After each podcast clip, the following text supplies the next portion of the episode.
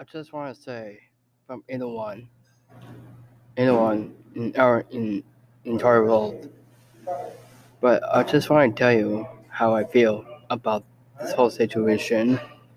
Um, people, people are just different, but you are different too. But but whatever it is about about who you are, if you are um, if you uh, if you uh, are from different country or if you either or either lesbian gays um, people who have disability because you people are like different because you are and you're not alone. I just want to tell you that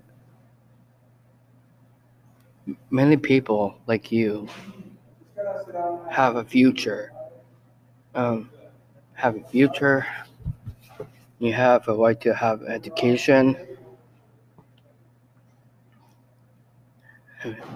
especially with healthcare.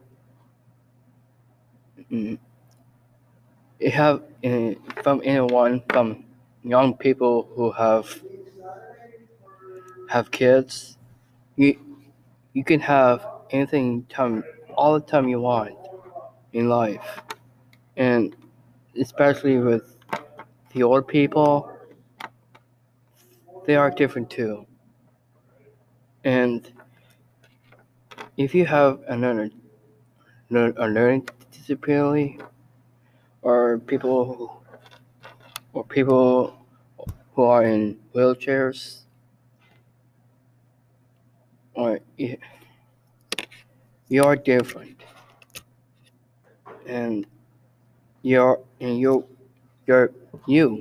And my opinion is that you have a future.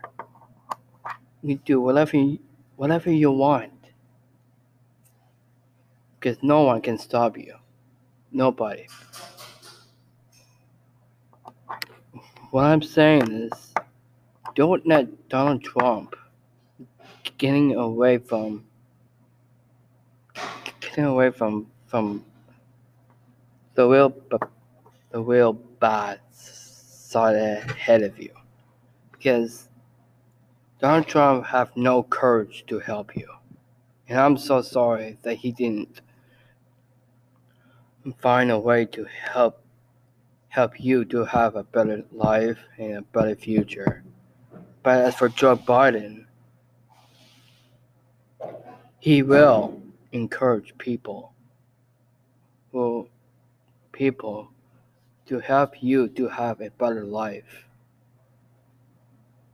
Because all the people in the world just